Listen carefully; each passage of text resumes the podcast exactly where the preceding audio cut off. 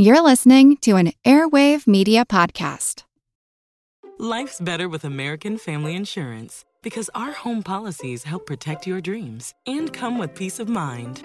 Save up to 25% by bundling home, auto, and life. American Family Insurance. Get a quote, find an agent at amfam.com. Products not available in every state. Discounts may not apply to all coverages on an auto or home policy. Discounts do not apply to life insurance policies. Visit amfam.com to learn how discounts may apply to you. American Family Mutual Insurance Company SI and its operating companies American Family Life Insurance Company 6000 American Parkway, Madison, Wisconsin.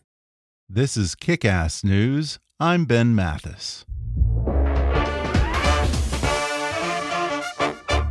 Support for today's show comes from Citizen. Isn't it time you saw the light? Citizen makes watches that are powered by light, any light, and will never need a battery. So stay on time with Citizen's collection of Eco-Drive watches. They're for just about everyone who prefers to be on time. Visit citizenwatch.com slash podcast for more. That's citizenwatch.com slash podcast.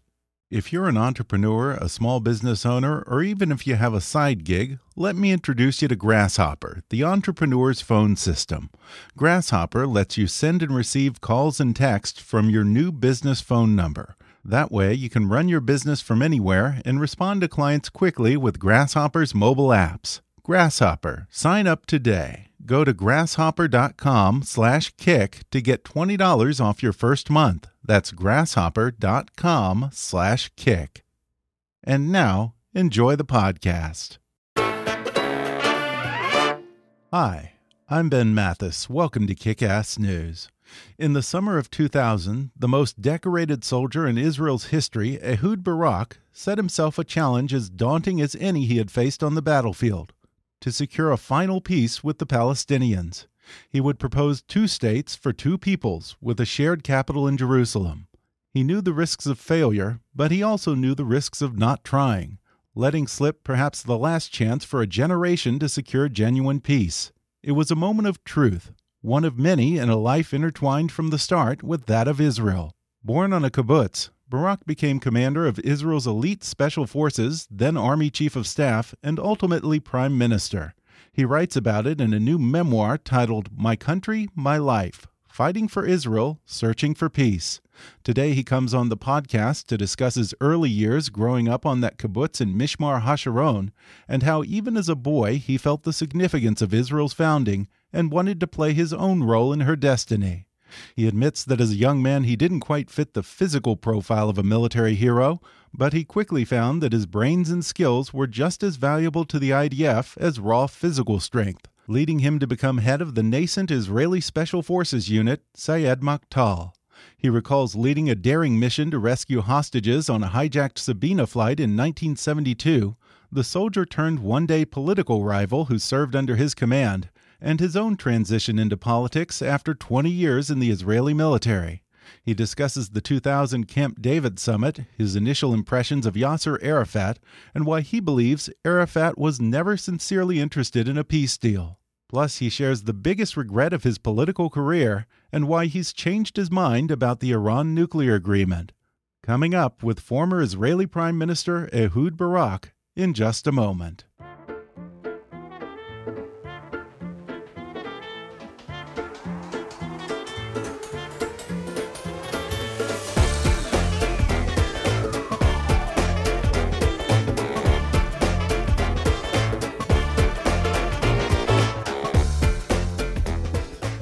Ehud Barak served as Israel's prime minister from 1999 to 2001, during which time he worked to engineer a sustainable peace between Israel and Palestine.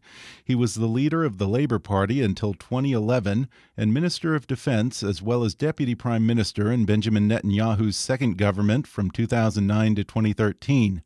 Before entering politics, he was a key member of the Israeli military, occupying the position of Chief of Staff and playing key roles in some of the most pivotal covert and military actions in Israel's history. Now he discusses his remarkable life in his new book titled My Country, My Life Fighting for Israel, Searching for Peace. Ehud Barak, it's an honor. Thank you so much for joining me on the podcast. Thank you for having me. My pleasure. Well, you say that as much as this book is about your own personal story, it's equally about the story of Israel.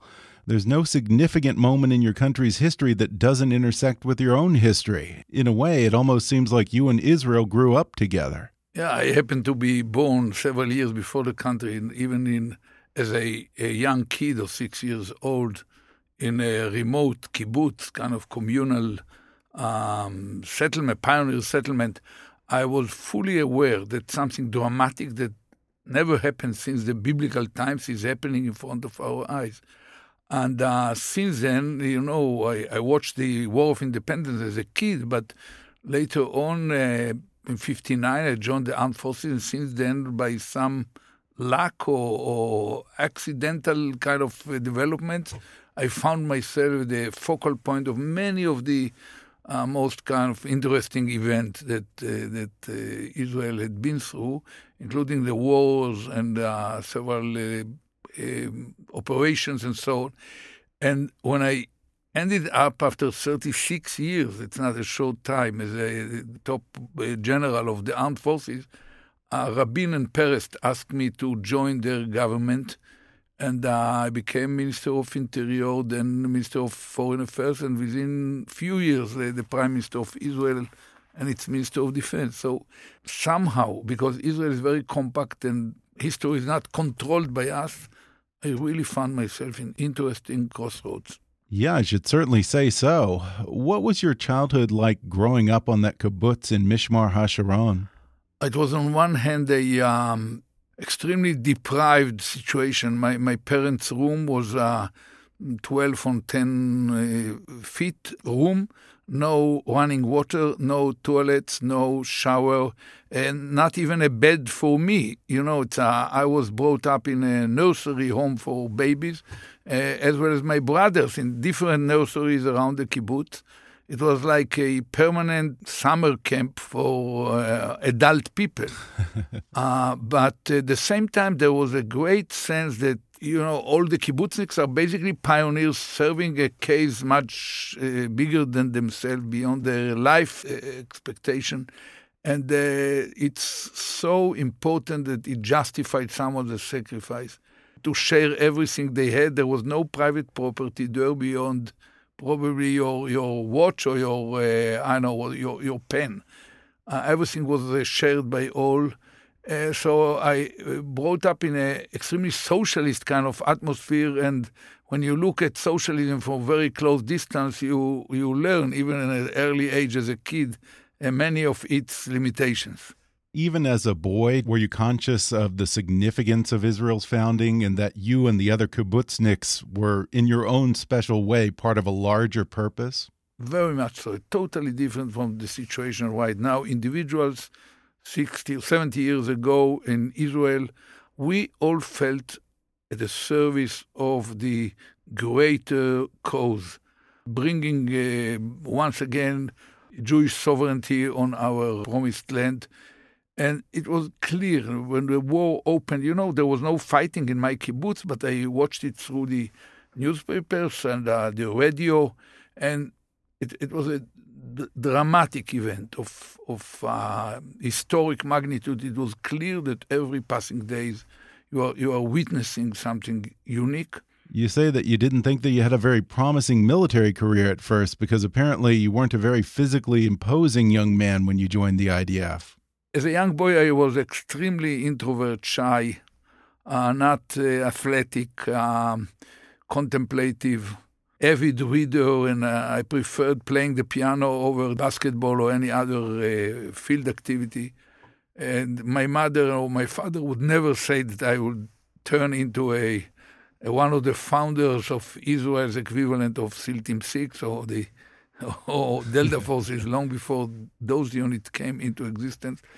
No one would have predicted it, but it's sometimes it's come out of necessity. There was so compelling uh, awareness of the need to to build the country through fighting because we, we were surrounded by enemies that almost deliberately I turned myself into someone who will be capable of uh, of serving the the great cause in the way which is most uh, imminent and, and, needed, which is uh, being an officer or commander of fighting force. Right. You're an example of how intelligence can be just as valuable as physical strength in the Army. Wasn't it your navigation skills that helped you rise through the ranks? Yeah, that, that's why. In fact, I studied to navigate through some youth activity uh, that was uh, encouraged by the army. At the time, you know, no GPS, nothing. You you could be lost, especially at night time, if you didn't know where you are. But uh, I found very fast that I always knew where I am. I could read maps. It was quite easy for me I was quick in the numbers and uh, very clumsy in the big movements of the body and very, very uh, fine and, and accurate in the small movements of the fingers and so on. I, I knew how to pick locks out of experimenting with with locks and with uh, pieces of uh, steel. That was the kind of uh, accident that brought me into the embryonic uh, Special Forces mm-hmm. unit of uh, Israel. Yeah, you became commander of the Special Operations Unit called Sayeret Matkal, which was something totally different for Israel, and it didn't really operate off of the same playbook as the rest of the military. Uh, what was Sayeret Matkal? It was totally different. This was a very small unit, very more remote, uh, based on on uh, the tradition of both the British uh, Special Air Service, the SAS, the kind of it was the model for us mm-hmm. of, of a commando unit, and uh, some uh, legacy from from the undergrounds of of pre uh, forty eight war, the undergrounds of the Jewish. Um, we call it Jewish community in Israel before uh, the British mandate ended. So uh, basically, we we didn't wear uniform. We used to use uh, civilian uh, civilian um, uh, clothes. We called our officers by by their first names. No distance, no no kind of any special respect. Everyone was measured only by what he can perform.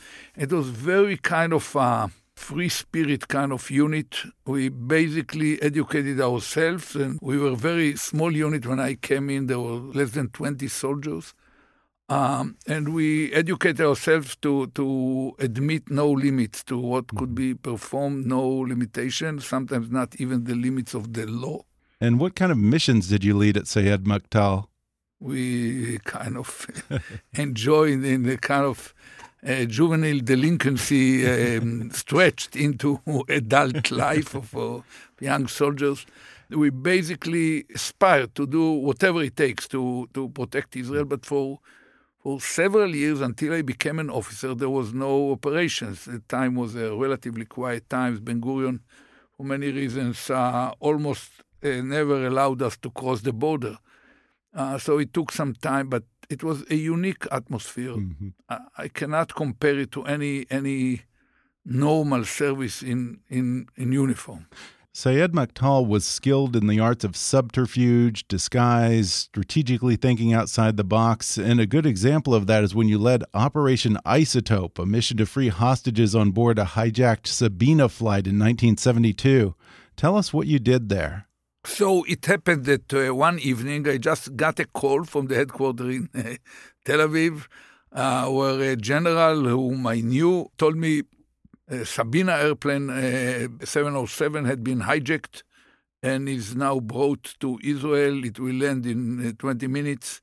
Come as, as fast as you can to Ben Gurion Airport. The time was called Lod Airport. So I came there, also found the generals, and within um, short time it became clear that first of all we have to paralyze the, the airplane, it, that it won't uh, take off uh, suddenly with all the hostages. So I was sent to, to, together with a technician of, uh, El Al to neutralize the capacity of this, uh, this airplane to take off without uh, letting the captain or, or the terrorists to observe it. So we came, the, the engines were still uh, working, and we, we crawled behind it, came under the hull of the airplane and, and neutralized its hydraulic systems. And uh, it, it, kind of sank a little bit, uh, but it couldn't uh, turn the, the nose wheel. And uh, within several hours, I had uh, some there some 30 soldiers of mine with some six or, or eight officers and we arranged to take over the uh, airplane by jumping on the wings and Hmm. wow. uh, opening the, the emergency doors. It was a mission that we never been performed ever in Israel. We never trained inside uh, an airplane. We just uh, took an airplane in the hangar, another similar airplane, Boeing 707, and we trained ourselves for half an hour how to open the emergency doors from the, the outside of the airplane and enter. And we planned just to, to shoot the terrorists once we are there. But it became uh, clear that they have explosives and hand grenades and weapons on them. There are four of them. So, to cut a long story short, it was uh, only the next day that we decided, disguised as a um, airport mechanics, um, with white overalls and, and uh, mechanical tools and whatever. I led uh, the rescue raid uh, with uh, some 14 of my uh, officers on the um, airplane. When we stormed it, it took 90 seconds, after which the shooting was uh, over. We killed two of the terrorists. We captured the, the other two. Uh, we saved all passengers but uh, one. And uh, we had only one officer slightly uh, wounded from a shot that came from one of uh, our uh, guys. The name of the wounded the young uh, officer was uh, Benjamin Netanyahu, the present prime minister. He was a young officer under my command. Yeah, Benjamin and Yoni Netanyahu served under your command. Uh, what were your impressions of the Netanyahu brothers back then? You know, in fact, not just them. The, the younger brother, uh, Ido, also was under my command Oh. at the same time. Uh, Netan- uh, Yoni, the, the elder brother who later was killed in, in Entebbe in 76, he was uh, both uh, my deputy in the unit and also one of my closest friends. He even uh, bought an apartment, uh, one floor under my apartment, in the same residential building. Um, and we were very close. They, they were ambitious, capable officers. Uh, the two elder Netanyahu's, uh, Yoni and Bibi. Um, Bibi was more practical. Yoni was more contemplative. I would uh, sometimes go down and, uh, in Saturday morning to, to see him at his apartment. You might uh, find him in a rocking chair with a uh, book of Yeats or, or, or Nietzsche or Schopenhauer, uh, reading, uh, having a pipe, and Really? he was interested in a wide areas of um, thought, of philosophy, of uh, poetry, and many other issues. And he was a more kind of more more emotional in a way, but they were both capable, extremely capable soldiers. In a way, I sometimes uh, joking that I'm responsible for all the problems that uh, later uh, Israeli politicians got from Netanyahu because I tried to convince him to stay as a career officer. He could make a good general. But he insisted on going to, to MIT to study architecture or something like this. And he left. You later served as defense minister under Netanyahu, and more recently, you've become one of his most vocal critics. Is Benjamin Netanyahu a very much different person today than the one that you knew when you were heading up Sayeret Matkal? Look, first of all, I was also the, the person who, the only person who defeated him in uh, in the ballot in election. you know. Right, I that's true. came Right. after Peres and uh, pushed him out of uh, power. Yes. Um, and uh, so, uh, but later, as you mentioned, I was his, uh, Minister of Defense both in uh, Olmert government and in Netanyahu's government. He developed, and certain traits in his character became more and more dominant as a result of ex- long exposure to politics and so on. Basically, he's, a, he's not a lightweight. He's a, thoughtful person, knowledgeable, and uh, kind of uh, with a lot of experience as a politician. He uh, gradually developed a mindset of uh, deep pessimism, passivity, anxiety, and self uh, victimizing kind of uh, mood. That, that's quite good recipe for politics because you know if you don't initiate anything, no one can blame you for something that get wrong, and if you are compelled into certain behavior by circumstances, You can always argue that, okay, I'm not a demigod, that I had no choice and whatever. I would say that his mindset is a good recipe for, for survival in politics, but is a very poor one for statesmanship. And I think that we are missing opportunities. For decades, we used to criticize our Arab neighbors, saying, especially the Palestinians, as our legendary foreign minister Abba Eban used to say, the Palestinians never missed an opportunity to miss an opportunity. uh, I hope we will not adapt or not adapting gradually this, uh, this pattern of missing opportunities. We're going to take a quick break, and then I'll be back with more with former Israeli Prime Minister Ehud Barak when we come back in just a minute.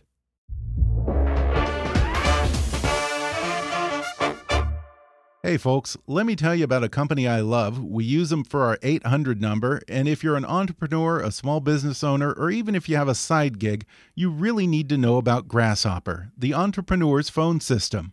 Grasshopper lets you run your business from your cell phone while keeping your business and personal lives separate.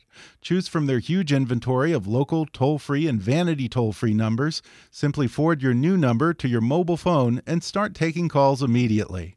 Whether you're in an office, in your car, or out running errands, Grasshopper's iPhone and Android apps help you stay connected to your customers. Not to mention, you can send and receive calls and texts from your business phone number, set up multiple extensions for everyone on your team, get your voicemails transcribed and emailed to you, work from anywhere with call forwarding to make and receive calls from your computer via the desktop app, and even utilize Wi Fi calling. Better yet, Grasshopper offers easy and instant setup and 24 7 customer support, all without any long term contracts. Grasshopper, sign up today. Go to grasshopper.com slash kick to get $20 off your first month. That's grasshopper.com slash kick. And now, back to the podcast. And you had a rather remarkable political ascent. Um, you were elected to the Knesset and became leader of the Labor Party in 1996. And within three short years, you were prime minister. How was that quick transition from military commander to politician? In Israel, uh, when you, you serve at the top of the military, you are part of decision-making process on the top political echelon. It's not there is no clear-cut um, separation between the two layers. So I was exposed to the decision making process at the high level for 20 years before I became prime minister. I was deeply involved as a, as a top a top general in the army under Rabin, Shamir, mm-hmm. and Peres. Mishas. I, I was deeply involved in the peace process with the Jordanians, in the Oslo negotiation with the Palestinians, even in the attempts of Rabin to, to find a way to strike a deal with Assad, the father of the present Assad. So nothing was new for me yeah. in a way, but I was uh, still a man of uniform. I, I, I, was for too short time in politics. Mm-hmm. You know, in the in the armed service, you somehow assume a unity of purpose. It's part of what you take for granted. In politics, you have to, to, to schmooze, to caress politicians' uh, egos, and to invest a lot of energy in just holding the, the group together uh, because you cannot assume unity of purpose. Uh, the, the uh, personal agendas are easily taking over.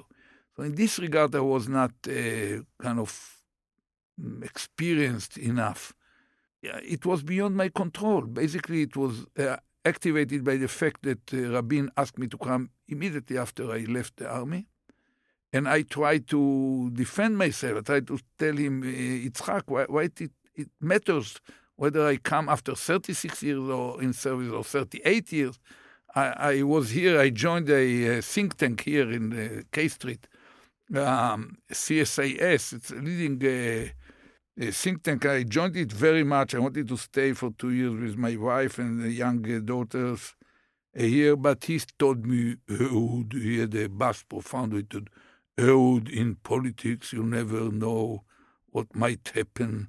I need you now. Yeah. So I came, uh, became his minister of interior, and, and he, for sure didn't mean that he's going to be assassinated within six months, and that that is the unpredictable event. So I was sucked upward. Uh, immediately, I became a Minister of Foreign Affairs in Peres government, and when Peres lost um, election, I immediately was sucked up into the role of leader of labor. And then, you know, even then yeah. there was a legend that uh, Bibi is unwinnable. So I told them, don't tell me any legends. I, I know I, I know the guy for 30 years. I was his commander. I know very intimately. Just make sure that the playing ground is leveled and make sure that you are ready to work as hard as as the other side on politics work, and we will win. And that's what happened. And as prime minister, probably the most significant moment during your term was the 2000 Camp David summit. Um, you say in your first meeting with Arafat, even before that, you told him that you wanted to move as quickly as possible toward final status talks.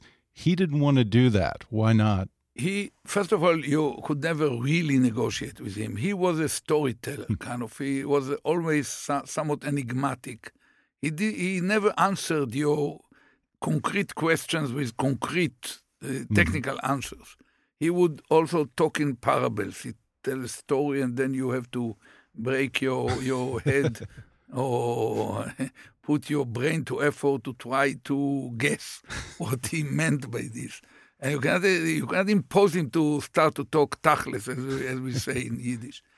So uh, he basically didn't respond. He was very uh, evasive, may I say elusive in a way. But my argument was very clear. We were when I came to power, we were already six years after signing of the Oslo Agreement. We were three years after we committed ourselves, both sides, to start permanent status negotiations. And the European Union already contemplated unilaterally recognize a Palestinian state next year. And most important, President Clinton, who was in, deeply involved for the last six years in this um, negotiation, was about to end his uh, second term. And it was clear to me that it will take whoever will be elected half a year, probably a year, to shape his policies and to become as knowledgeable and understanding of the nuances. And by then, eh, we might face mm-hmm. violence. In fact, I warned our public. I described this as, uh, you know, two families uh, uh, living in a cottage, you know, uh, metaphorically, we and the Palestinians were on the same piece of ground and uh, a fire is going to, to start to develop there. And the two householders, uh, myself and Arafat, are coming from both sides to put down the fire. One of us even ha- already have uh, medals of world-leading firefighters. That's Arafat with the Nobel Peace Prize. Uh, but you you never show, sure if it's not the arsonist with the gasoline and the matches in his pocket. So it's uh, there was no way to, to know it, no way to penetrate it by through um, uh, this daring uh, daring attempt at Camp David, and because I was confident um, from from long before that the alternative, if we are not acting to try to clarify where he stands, we will anyhow end up in mm. violence. I, I thought that the only rational behavior or logic behavior of myself could be to push toward this moment of truth, even if the truth that we would find won't be the one we wish for. And even after Camp David, you were still talking with Arafat, and you felt that you might still have good prospects for some beginning of a peace agreement. And then, of course, Likud leader Ariel Sharon made his infamous visit to the Temple Mount, and rioting erupted in the West Bank and Jerusalem. Was that the final nail in the coffin of a peace deal?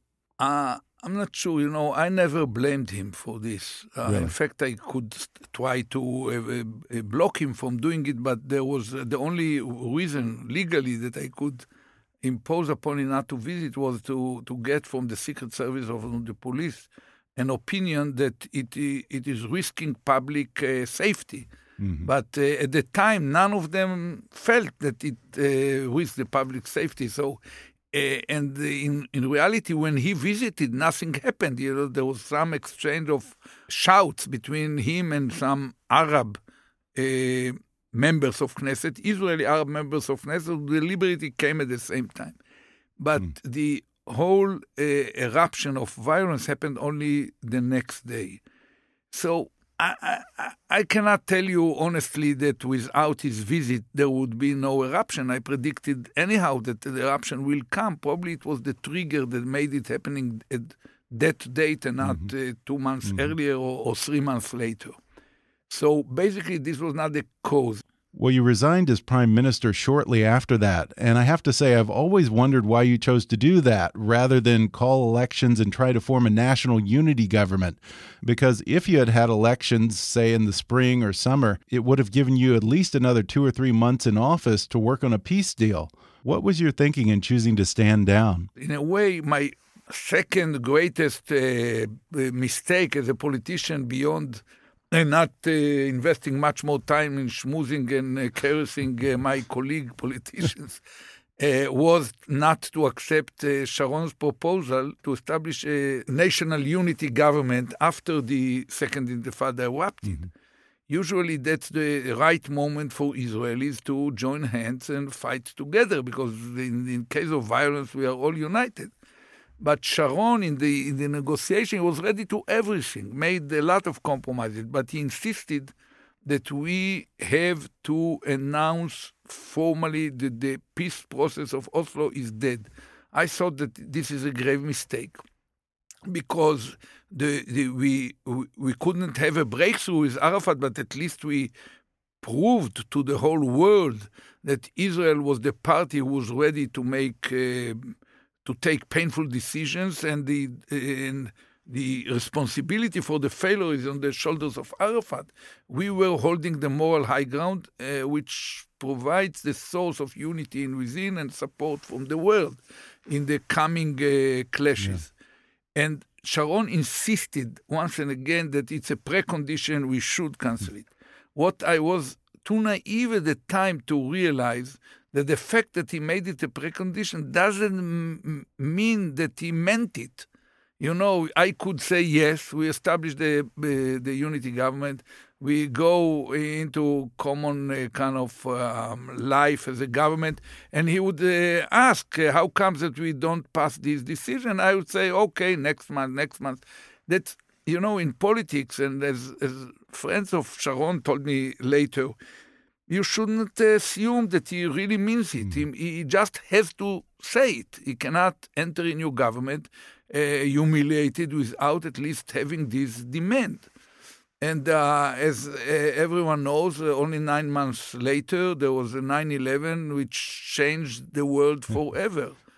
So, you know, it's, it's a kind of of mistake that probably had been done out of being, I call it, uh, over normative. Uh, that's not the right way for a politician. And probably I learned the lesson. but uh, basically, I do not regret what I have done. It, it, all, all things were done on my responsibility. It was it reflected always my best judgment of what's good for the country, not what's good for Barak's survival in, in, in power. And later, as defense minister from 2009 to 2013, you were intimately involved in deciding how to deal with the Iran nuclear threat you were originally against the Iran nuclear deal, but you say now that your thinking has changed since the deal was put in place. Do you think Israel was better off with the deal than without a deal? You know, I, I was more than just uh, against the deal uh, for several years, from 2009 2000, until 2012, uh, for a sequence of four years. I was more hawkish than, than Netanyahu or Lieberman about the need of Israel to prepare and be ready, uh, having the political uh, uh, will and the operational capabilities to, to hit on the Iranian nuclear program and probably delayed by, by four or three or five years, depends when we would have hit and uh, we, for different reasons, could not, which are detailed in the book, we could not do it then. And uh, when the deal came, I, I, thought it's a very bad deal. But once uh, Obama signed it, it, it became part of reality. I didn't change my mind, but I don't uh, don't think that in in real realpolitik you have to deal too much with um, with with uh, hypotheses about or speculation about what would have happened mm-hmm. if a different uh, um, trajectories would have been chosen. Mm-hmm.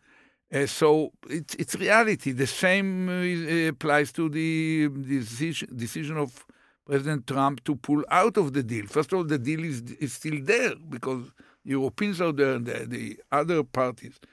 Um, I thought that the issues that uh, that um, kind of created the bad behavior of Iran, namely keep developing missiles or spreading terror or, or executing insurgencies in neighboring countries.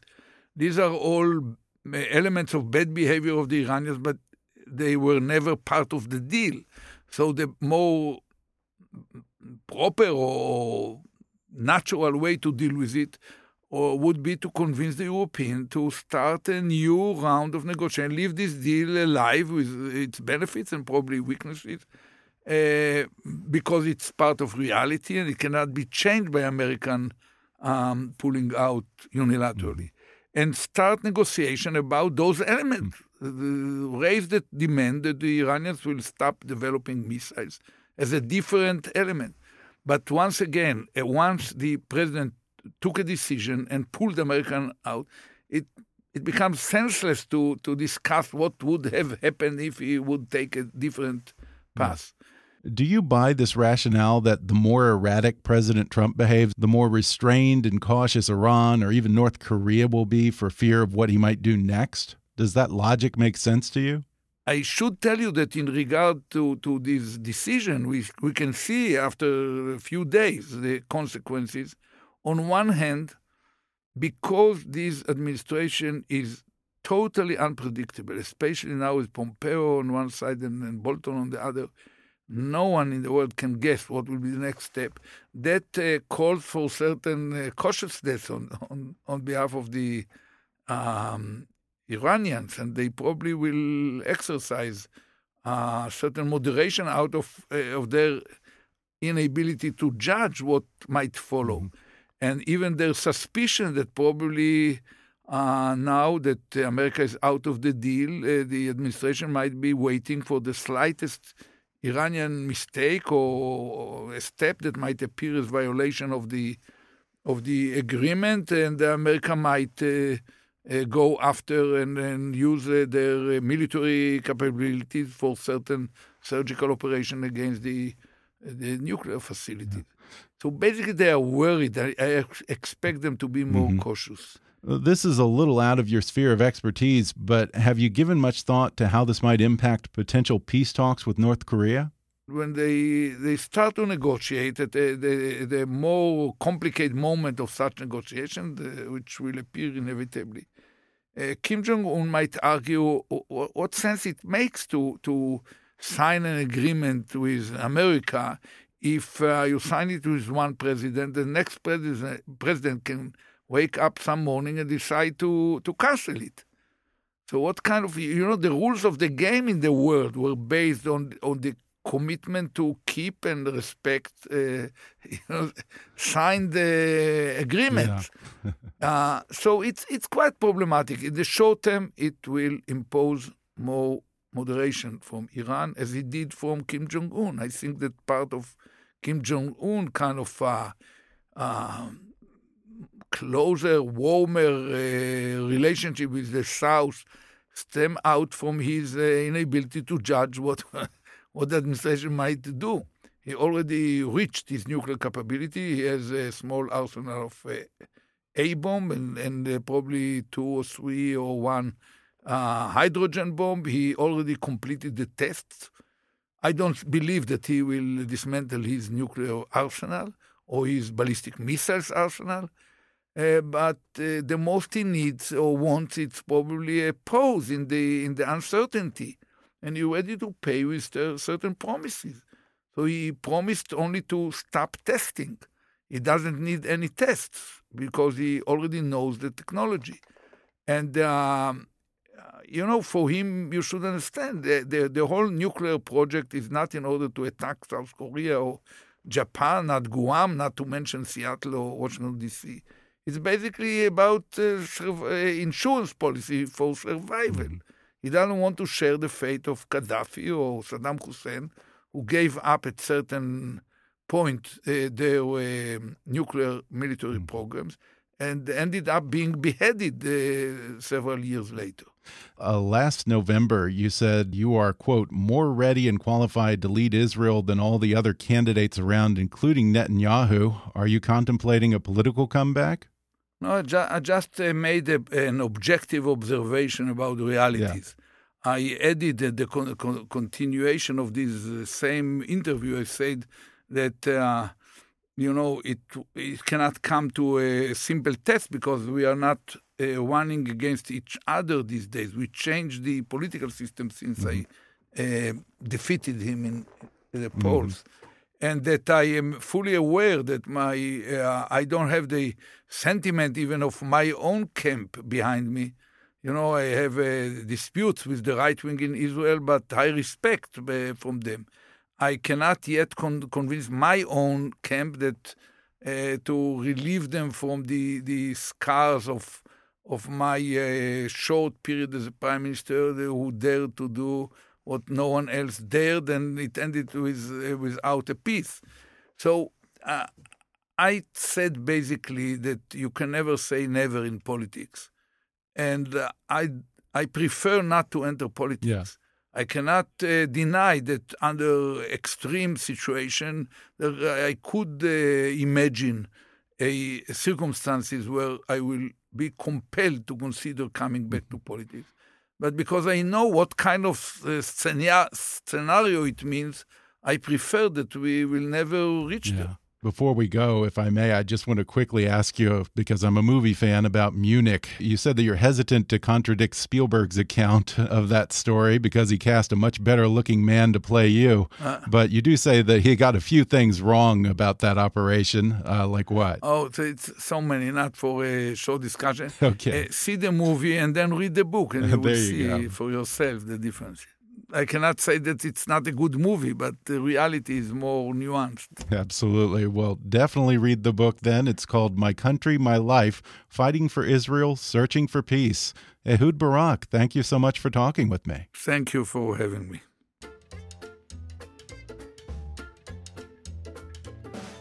Thanks once more to Ehud Barak for coming on the show.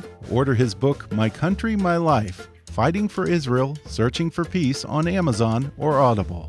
If you haven't already, be sure to subscribe to Kickass News on iTunes and leave us a review. You can follow us on Facebook or on Twitter at, at KickassNewsPod. And as always, I welcome your comments, questions, and ideas at comments at kickassnews.com. I'm Ben Mathis, and thanks for listening to Kickass News.